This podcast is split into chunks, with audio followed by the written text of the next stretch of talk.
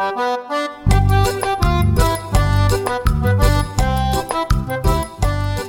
er vi tilbake med en eh, ny episode av eh, Brobyggerne, Frode. Ja, og det Birken bro. I dag tenkte jeg vi skulle ta oss for sjølveste broa, altså. Ja, selveste broa. Jeg heter Frode, du heter Frode. Ja, ja, ja, så vi må ta det med òg. ja. Ja, så selveste broa. Så en, en god måte å starte på da er medbestemmelsesbarometeret.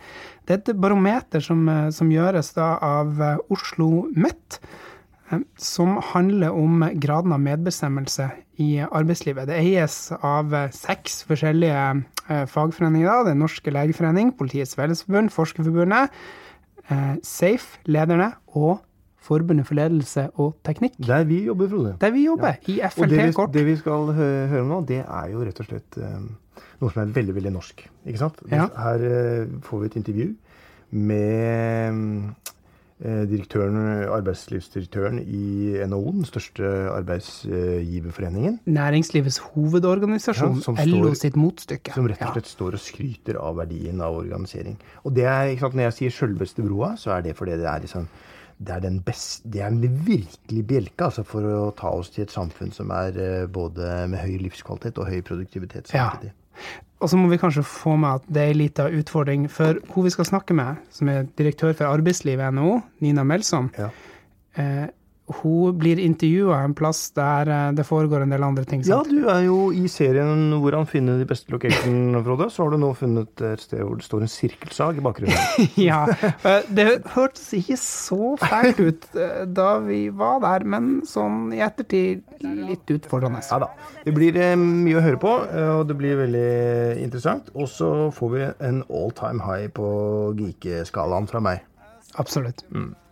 Nina Melsom, du har nettopp vært hos eh, FLT, Forbundet for ledelse og teknikk, sin debatt under Arendalsuka. Det handler om medbestemmelse.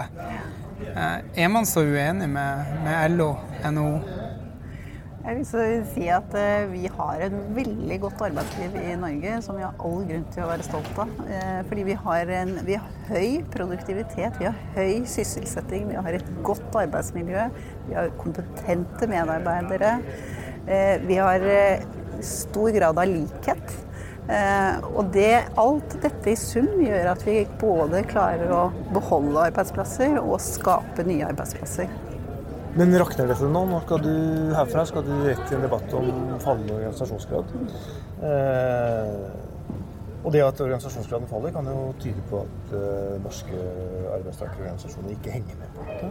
Hva, hva bør norske arbeidstakerorganisasjoner gjøre for å tilpasse seg fremtidens arbeidsliv og fremtidens arbeidstakere?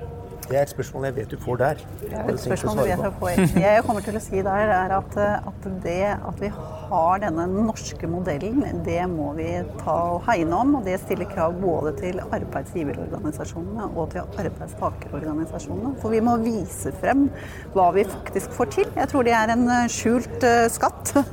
Eh, Og eh, der mange er ikke organisert fordi de ikke blir spurt. Eh, Når man også snakker med arbeidstakere, så er det noen som tror at det er veldig store konflikter mellom arbeidsgiver og arbeidstaker. Mens vi i realiteten så er vi veldig konsensusorientert. Men, men det gjør at mange arbeidstakere ikke de skjønner ikke, faktisk ikke verdien av å være medlem. Eh, og så er det, hvis man spør våre medlemsbedrifter, så vil nok de også si at det er noen utfordringer ved bl.a. at vi klarer ikke helt å følge med i tiden. Eller arbeidstakerorganisasjoner klarer ikke helt å følge med i tiden. Hva er det vi ikke klarer å følge med på? Et Det er vi interessert i. Ja, det er dere interessert i. Eh, Et, eh, et eksempel er tariffavtalene våre. De er blitt til i, på begynnelsen av 1900-tallet, og arbeidslivet har vært gjennom enorme endringer i løpet av de årene. Eh, Og tariffavtalene de er litt sånn som en brøddeig. De bare eser ut istedenfor at man tar noe bort. Og til slutt så skjønner nesten ikke verken arbeidsgiverne eller arbeidstakerne hva som står der, og hvorfor de er verdifulle. For de er jo ment å utfylle loven. Eh, og når de blir så store at ingen leser dem, da, da er det liksom varsellampene. For vi må følge med. Vi må, Ja. Du har jo Ja, nei, for, eh, altså, vi hørte jo debatten som var veldig interessant, og, og nestlederen i, i, eh, i LO, Hesten Følsvik, var jo òg der. Eh, og hun, det dere er veldig enige om, virker å være at det her koker ned til pensjon og omfanget av tariffavtaler. Det er der man har, eh, der man har diskusjon.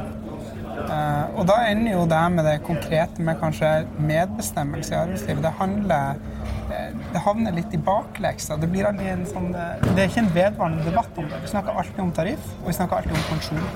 Ja, og Kanskje vi skal snakke mer om eh, verdien av medbestemmelse. For det, det er klart at eh, når man eh, på en arbeidsplass i Norge er veldig konsensusorientert, vi ønsker å spille hverandre gode. Og Det gjør jo også at de ansatte har mange gode ideer som kanskje ikke ledelsen engang vet om. Og når de får lov å bringe det til torgs Som ansatte, så, Det tror jeg er jævlig viktig. For jeg har tenkt på at vi eh, i, retorikken når jeg kom inn her også, Jeg er jo ikke noe, jeg er ikke noe typisk eh, fagforeningsmedlem. Jeg er eh, født og oppvokst på tjukkeste vestkant. Og havna ved en feiltakelse i fagbevegelsen, egentlig. Men jeg kan kjenne alle motforestillingene og alle mytene fra mitt eget eh, eh, nabolag. Eh, Der handler det om at det er, eh, som du sier, store konflikter i grunnsynet, rett og slett. Som det egentlig ikke er, etter at du har lært noe om det, ikke stemmer. Eh, og da er det noe med at eh, det ikke bare skal være konflikter når vi er uenige og sånne ting, som er på en måte det myten gjelder. Men mye flinkere til å fortelle om verdien av dette i fredstid. Om i den, daglige der, er der har jeg for øvrig en, en kjepphest. Det er at eh, jeg syns nå skal dere lage et felles sånn undervisningsopplegg på den norske modellen også. Jeg eh, sitter såpass tett på at jeg får lov å se hva som ligger i bånn der. Og da går man ofte i den samme fella. Man beskriver den norske modellen på makronivå som et inntektspolitisk instrument og en slags maskin for reallønnsøkning. Og at den er til beste for alle. Og så er man på en måte seg selv nok med å snakke om staten og de store arbeidstidspartene en gang i året på vårparten. Det ligger et spørsmål her. Ja, det er spørsmålet kommer. Det er hvorfor er det ikke mer fokus på mikro? Hvor viktig er ikke hovedavtalen på mikronivå? På det som skjer fra dag til dag, verdiskapingen. Og da dette gullet i kapittel 9 om informasjon, samarbeid og medbestemmelse, der ligger jo også hele målsetningen her, med en klar eh, adresse fra meg til begge parter når de skal tidligere involveres, som Storvik hadde et poeng i, i debatten, så kan eh, lederne gå hit om når skal vi ha med disse folka på eh, Når skal de få lov å involveres, og på hva? Og de ansatte selv må bli mye flinkere til å vise til den passusen der for å få lov å være med. Da kan jeg si at eh, NHO har gjennomført en medlemsundersøkelse som viser at eh, ni av ti av våre eh, bedrifter de syns at det er verdifullt med, verdi, eh, med medbestemmelse.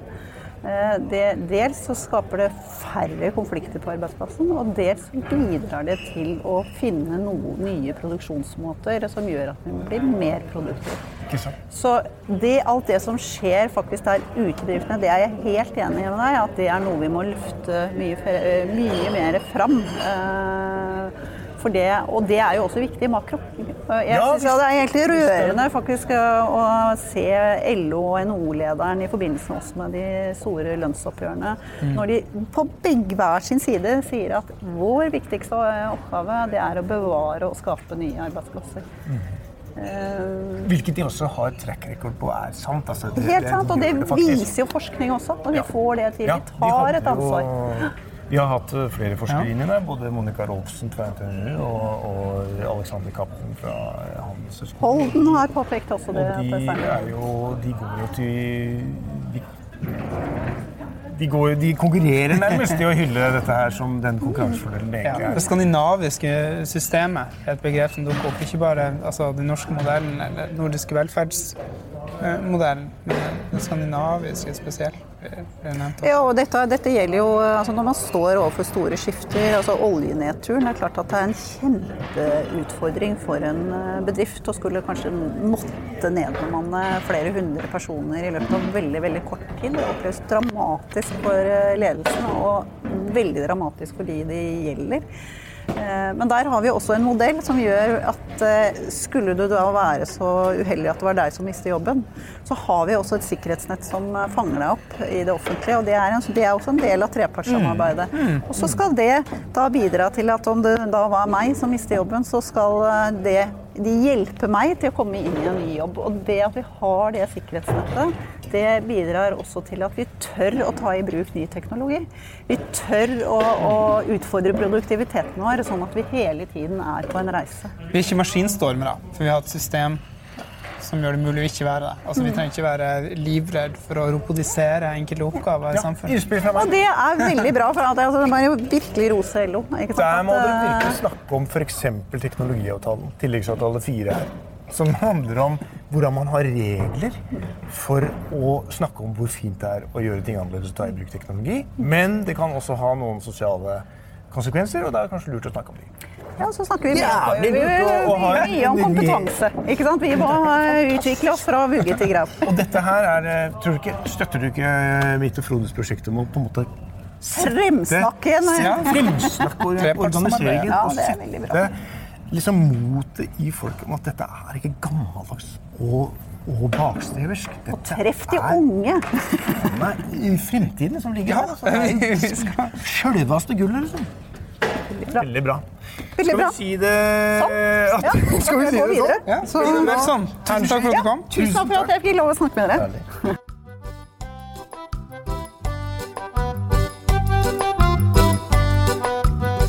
Ja, eh, det var det. Eh, hørte du noe over Sirkelsaga der, eller? eh, Frode? Jeg la ikke så mye merke til sirkelsaga, bortsett litt, litt sånn svak lyd, men eh, jeg la veldig godt merke til din begeistring for teknologiavtale nummer fire. Du klarte, 4, ja. Teknologiavtale. teknologiavtale fire. Du klarte ikke å styre det? Nei, det ble en all time high på geekeskalaen der, altså. Ja, det var kanskje ikke alle som vet hva jeg ikke jeg heller, men Nei, men eh, det får vi landet igjen neste gang. Men det var uansett en, eh, et hyggelig, en hyggelig prat. Ja, og vi retter ryggen. Organisering eh, og, og høy oppslutning om organisering, det er en virkelig bro til et godt samfunn. Absolutt. Takk for nå. Takk for nå.